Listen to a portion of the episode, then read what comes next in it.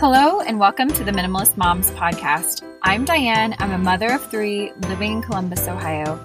I'm trying to make room in my life for what matters by getting rid of the clutter and living life with purpose. I hope you'll join me on the journey to think more and do with less.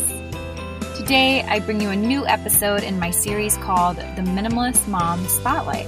This series will focus on real minimalist moms and I know it's odd to refer to this series in that way, but I wanted to encourage the everyday mom that you don't have to go to extremes or have a giant platform in order to influence minimalism to those around you.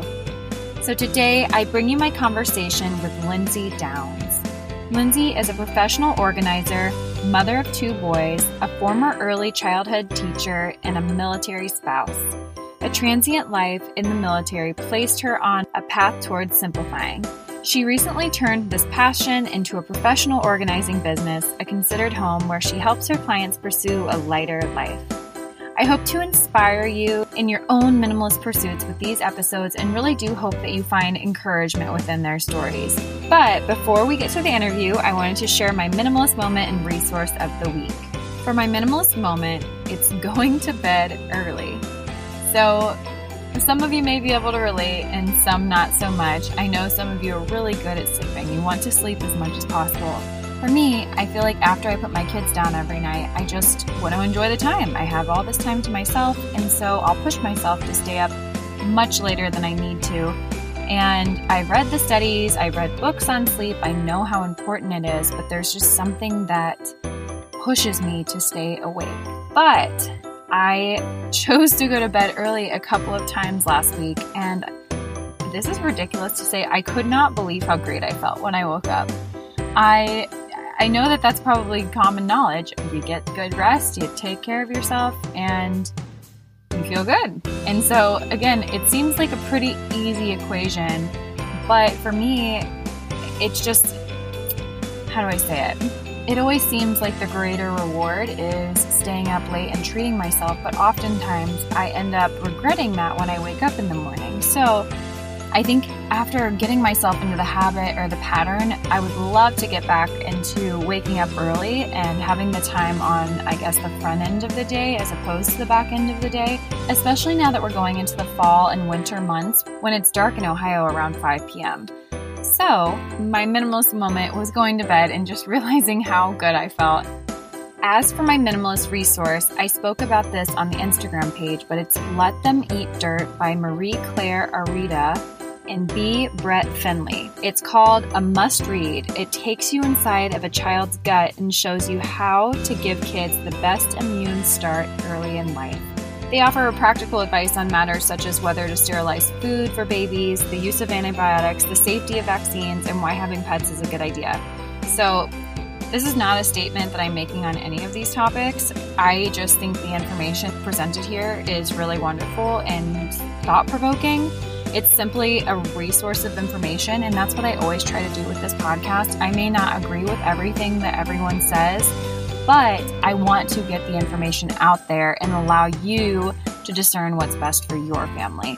And as with any nonfiction book, there is a bias behind this writing, but from my perspective, the authors really provide great evidence for intentionality behind our microbiome. So, yeah, check out Let Them Eat Dirt. I'd be curious to know what you have to say about it. You can slide into my DMs if you want to talk about it, um, or you can go back to the post. I think it's a post of Benjamin eating Cheerios off the ground. That's the one on Instagram. But I would really love to know what your thoughts are. So, yeah, I think that's it. And I hope you enjoy this interview with Lindsay. It was really fun to talk to her, and I hope that you walk away feeling encouraged in your own minimalist pursuits. So, here's my conversation with Lindsay. Lindsay, thank you so much for joining me on the Minimalist Moms podcast. Thanks for having me. I'm excited to be here. Yes, I can't wait to hear about how you stumbled upon minimalism and how it's affected your life. So let's just get into it, and I'm going to have you introduce yourself to listeners. So, my name is Lindsay. I am a mom of two boys. I have an almost four year old and a 20 month old. Um, I'm married to my husband for almost eight years. Mm-hmm. He's in the Navy. And so we move around a lot as a family. And I recently started a business based on my kind of inspired by my journey to minimalism and simplicity. Um, it's called a, a, Considered Home, and it is a professional organizing business, but with kind of like a, a lean towards simplifying and minimalism over like lots and lots and lots of organizing bins and baskets. Yeah. so.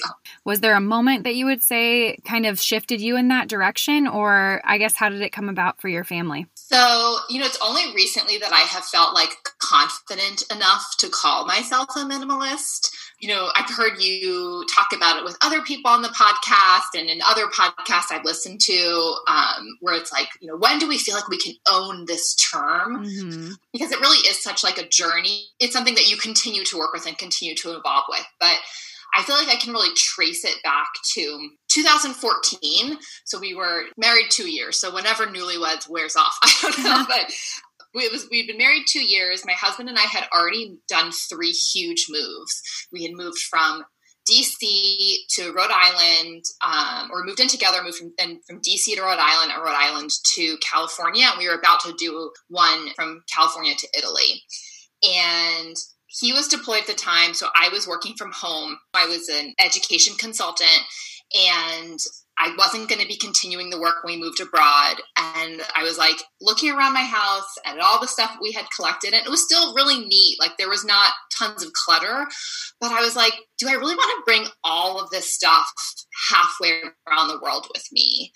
Um, and at that time, Marie Kondo's book had just come out in the U.S., and I had read it on the way back from like a, from a business trip. I was on the plane reading it, and I was like so pumped to get home and do this. And I made this like huge pile for the people to come pick up. And I felt like so much lighter. And that was kind of the beginning of the journey. And it's just been pass after pass after pass. I know in her approach, she's like, you do this once and you're done. But mm-hmm. as my life and my values have evolved, so have the things I've kept, right? So, like, I went from working to not working and doing a lot of travel. And just being childless living abroad then i had a child. And so that's when i really was like getting more into minimalism minimalism and not bringing in like every baby gadget. Mm-hmm. um, and then we moved back to the us and then we had another child. Just the things that we were doing you know whether we were going to be entertaining as much or traveling as much like the things we've needed have changed. And so i've been very i've used those kinds of like broad lenses of what is happening in my life as a way to kind of determine what things I keep. And sorry, this is a really long winded answer, but um, I think the other big piece is being in the military and moving so much. Even though we have people who pack everything for us, the military hires people to come do it, we do all the unpacking. Mm-hmm. And so, not many people have the opportunity to unpack and like unwrap every single item they own. Mm-hmm every 18 months or so.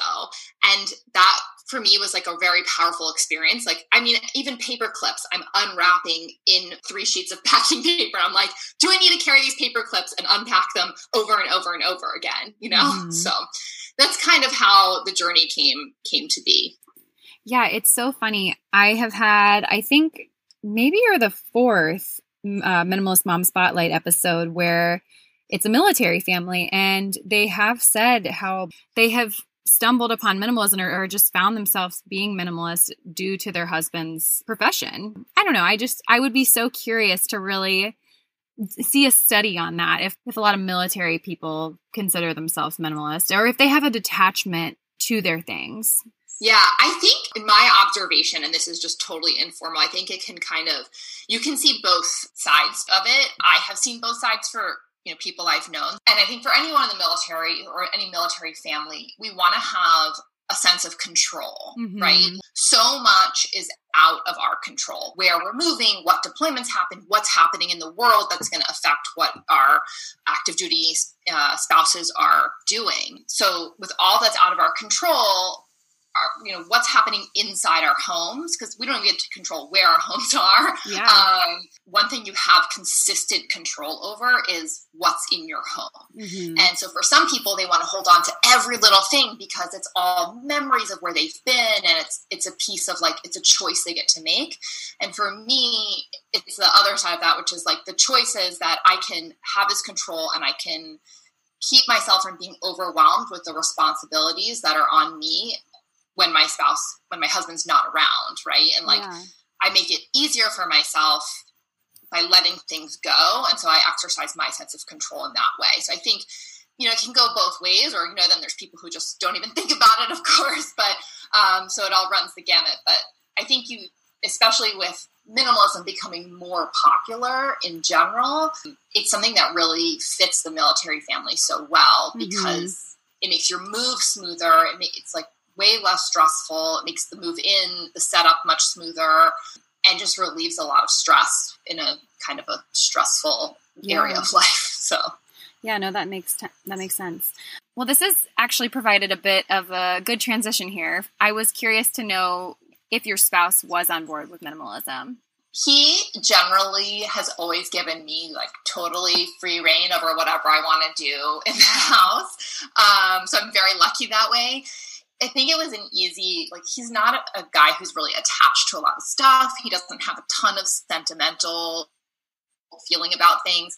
I mean, he's used to living on a ship in a small stateroom for, um, like, and having like a locker's worth of stuff for Mhm. months at a time. So, uh, you know, he's not a gadget guy. He's not a car guy. He's just, that's not his thing. So, you know, as I've kind of gone through this journey more, he's really come along for the ride. And often, if I'm getting rid of something that I feel like we both use, like maybe something in the kitchen, um, I'll be like, you know, I don't really like this pan doesn't heat evenly, or we never really use this. Are you okay with me letting it go? And he pretty much always is. Mm-hmm. And so he's even kind of come along further in that, like, we, I really believe in having like choosing fewer better things. So, like, investing in high quality um, clothing or homeware so that they last a really long time.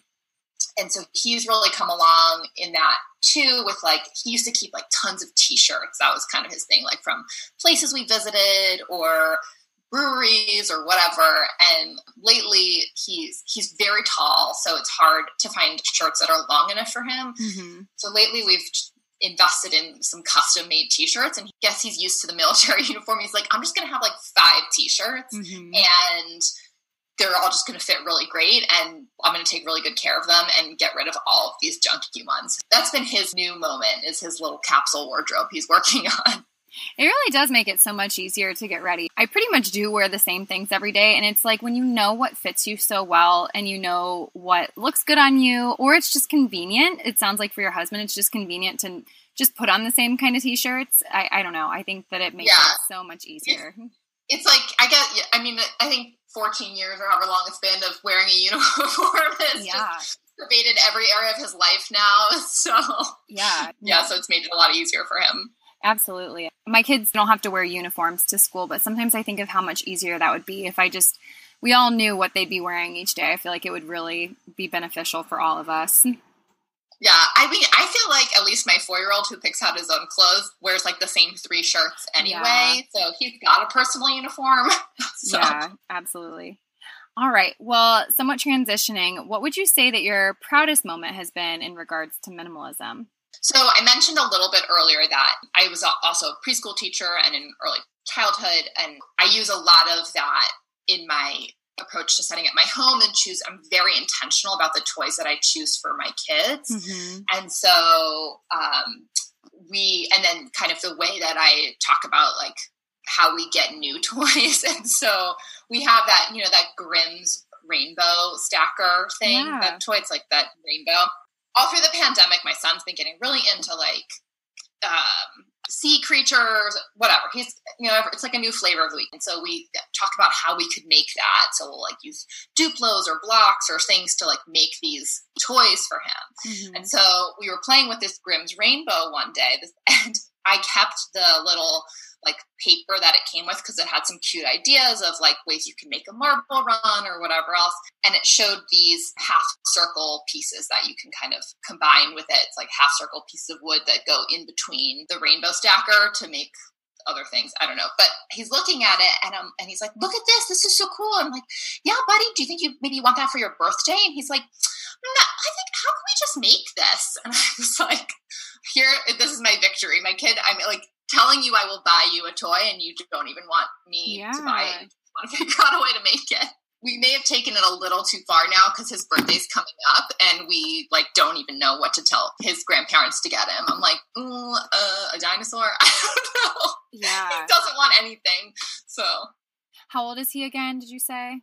He is turning four in October. So okay. it'll be like shortly after this. Yeah, yeah, yeah. No, my son just turned three. He is so much more likely to go out back and use sticks or rocks or anything that he can find in nature to to play with and so i don't feel like he's as interested in toys as my daughter would be but i honestly think that could just be a personality thing too one of the things that i've done is I've been really intentional about the media I show him. Like I let my kids watch TV, but mm-hmm. I really try to choose programs that don't have uh, merchandise associated with them. Yeah so that if we see the toys and like the one that comes to mind is Paw Patrol, like I see, I talk to so many parents who are like, oh my God, the Paw Patrol mm-hmm. is out of control. I have all these to- huge toys and mm-hmm. he's never seen it, waiting as long as possible to show it to him because, you know, every time you go to Target, there's like Paw Patrol everything. And so now if he sees he doesn't really know what it is, it doesn't draw his attention. Mm-hmm. And all the toys we have are open ended, so it's like and not characters. Mm-hmm. And so he can play. He plays the shows he sees with all of these open ended materials of like blocks, Magna-Tiles, just general animals. It's been really amazing to see his imagination and all the what he can come up with without having these really fixed toys. Yeah, we opened up the Paw Patrol can of worms during this lockdown time, and my actually my daughter loves it too. But the thing about the store, we don't go to Target often, but when we do, and if I decide, hey, we can actually go look at the toys today, just because sometimes they just want to do that, and I'm like, whatever, we'll kill a few minutes.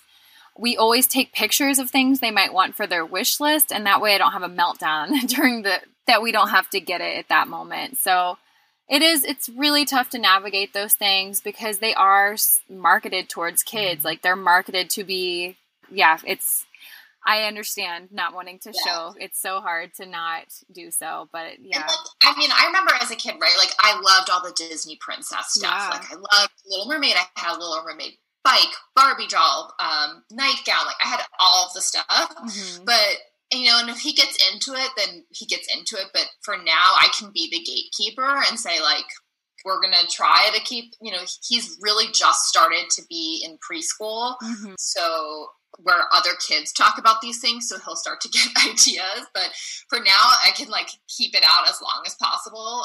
Then I'm going to do it because it's just for my own sanity at this point. Okay, so now it's time to confess. What would you say is an area that you struggle to minimize, that you just can't seem to keep minimal? Do you have one? In my personal one, I love boots. We're mm-hmm. getting into fall. This is my favorite time of year. Mm-hmm. It's um, I think it's a lot of people's favorite time of year. And so I have a lot of ankle boots that I love all of them. I probably I don't even get to wear all of them. I don't think in a season because several of them have heels, and like that's just generally not practical for my daily life. Mm-hmm. That is my that's my confession. If you see me line up all my boots, you're like, okay. no, that's great. Well, is there anything else you'd like to share with listeners today? It's funny. I've been such a long time listener of your podcast. I listened to it. Uh, oh my god, I forget her name. Who you Megan. used to host with?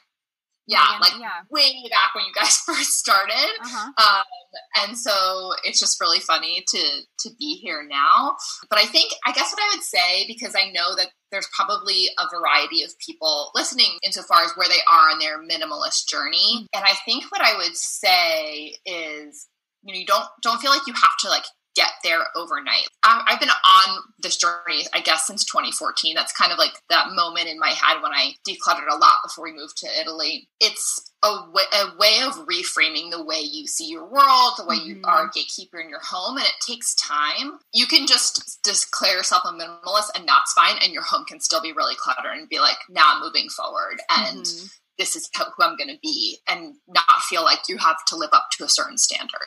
Yeah, no, that's great advice. I we are the gatekeepers of our home and it can be difficult when we have kids bringing in those items especially as they get older but we have to remember that that we really do ultimately have control and it doesn't mean that we have to be super aggressive or oppressive with it but i just think that having that peace of mind that we really do have control over it it really does help in making even small changes yeah and i think you know with kids too i'm trying to be really cognizant now of how I talk about decluttering or keeping things minimal with my kids, especially my older son, because there have been a few toys that I've given away mm-hmm. when I'm like, mm-hmm. okay, it's been months since you've played with that. We've had it in a closet, whatever. Mm-hmm. And then he'll ask for it again. And so I've noticed when he can't find something, he'd be like, oh, that must have been given away. and so I was like, okay, we have to have some better conversations. And I can't sneak your stuff away anymore. You're, mm-hmm. you're way too on top of it. I don't want him to feel like forced into it. I will set limits. We have limits for what we can keep. I explain to him, like, once the shelf, the drawer, the box, the basket, whatever is full, mm-hmm. we need to give some things away, which has been helpful. Actually, sorry, I just came up thought of a really good little victory that I had, mm-hmm. which might be really helpful for listeners when talking about giving things away with their kids and decluttering. So you know, I've been having trouble helping my son understand why we donate things. Mm-hmm. And during quarantine, as you know, anytime we've had to declutter, I've really loved my local Buy Nothing group. Yeah. And I think you've talked talked about Buy Nothing groups on the podcast before. Mm-hmm. But I had been giving stuff to people and they my son had seen people come pick it up. And so I decided he was getting really into playing with like zebras and safari animals. That was like the flavor of the week. Mm-hmm. And we didn't have in our animal bin a zebra. So I posted on the Buy Nothing group, does anyone have a toy zebra for my son? And somebody did. And so we went to go pick it up and he really understood the flip side of somebody donating to you. He still talks about that experience like weeks later, like, mm-hmm. oh, you know, somebody somebody didn't want that anymore and they gave it to me and now I really get to enjoy it. Yeah. And so having that has made it much easier for him to say like, you know, you don't really play with this train anymore. Someone else could really enjoy that we could give it to.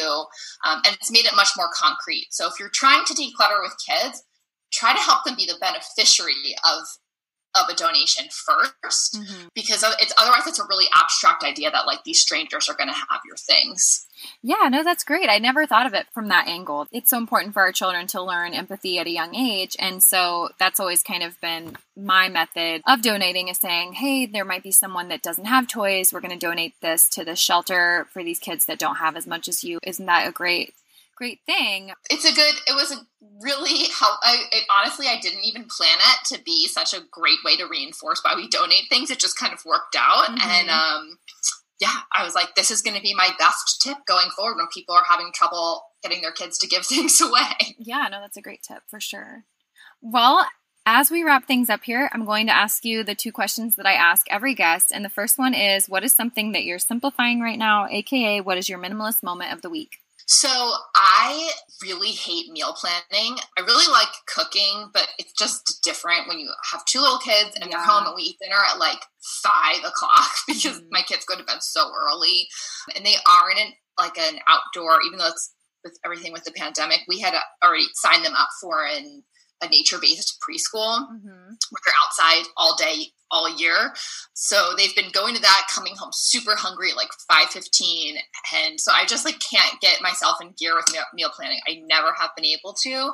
So I'm really trying, I like to be better about it because every night I'm like, oh, what are we gonna have? My husband's been picking up the slack. To be honest, he's been awesome. Yeah, meal planning is tough. We kind of just rotate the same few meals, and that makes it really helpful. Well, my last question for you, Lindsay, is what is something that you can't stop talking about? And this can be related to minimalism and intentional living, or just something that you're really excited about. Friends of mine who will listen to this are going to laugh, but the thing I keep talking about is uh, daily laundry. Okay. And I know you've talked about it on the podcast, and mm-hmm. I've listened years I have been avoiding it, but mm-hmm. like as we've added people to our family, you know, when it was just me and my husband, it was not necessary. Two little boys with both of my husband and I working out and like uh, just all the amount of clothes, all the like reusable rags and things we use for trying to minimize waste. Mm-hmm. There's just a lot of laundry, and for I like I hated doing it. I felt like there was like a lot of resentment on my part because I was I felt like the days I would do laundry was like an all day thing. Mm-hmm. And so finally I was like, I'm just going to break down and try this daily laundry thing that I keep hearing people talk about. Mm-hmm. And it is so much better. It takes 15 minutes. Mm-hmm has reframed the way I see this chore that I hated doing into mm-hmm. this is just a part of my normal routine. We need even less clothes than we had before. Mm-hmm. So I can buy higher quality clothes for my kids that will wash really well. Yeah. Um, and so now I'm like constantly saying, you just got to figure out how to do a load a day, work it into your routine. I put it in before dinner. I put it into the dryer after after we eat and then mm-hmm. after i clean up the kitchen i fold it and like yeah. boom boom boom it's done. Yeah. Um, but like having those cues with my normal routine of something i do every day makes it possible and i'm committed to making it happen. And it's just made my life so much easier. No that's great. And i love that you shared when you do it because for me i'll start it when I go down in the morning, and then I'll usually flip it over when we leave for preschool or for our morning outing. And then after the kids are in their room for quiet time, that's when I fold it. So it's it's cool to see how two different people are doing it every day, but we do it differently and how it fits for our schedule. So I really like yeah. that you shared that. Well, I hope that your friends laugh when they hear you say that if they listen to this episode. Yeah, they're gonna be like, she will not stop talking about this. well, Lindsay, thank you so much for taking the time to come on the podcast today to be our Minimalist Mom Spotlight this week. I'm just appreciative of your time today, and I hope that your story inspires others as they're starting to pursue their own journeys within minimalism. Yeah, thanks for having me. It was great being here. What did you all think of this Minimalist Mom Spotlight interview? I hope that you found some inspiration in her story, and if you or someone you know would be interested in being a guest on the show, send me a message via email or Instagram. I wish you a lovely week as you think more and do with less.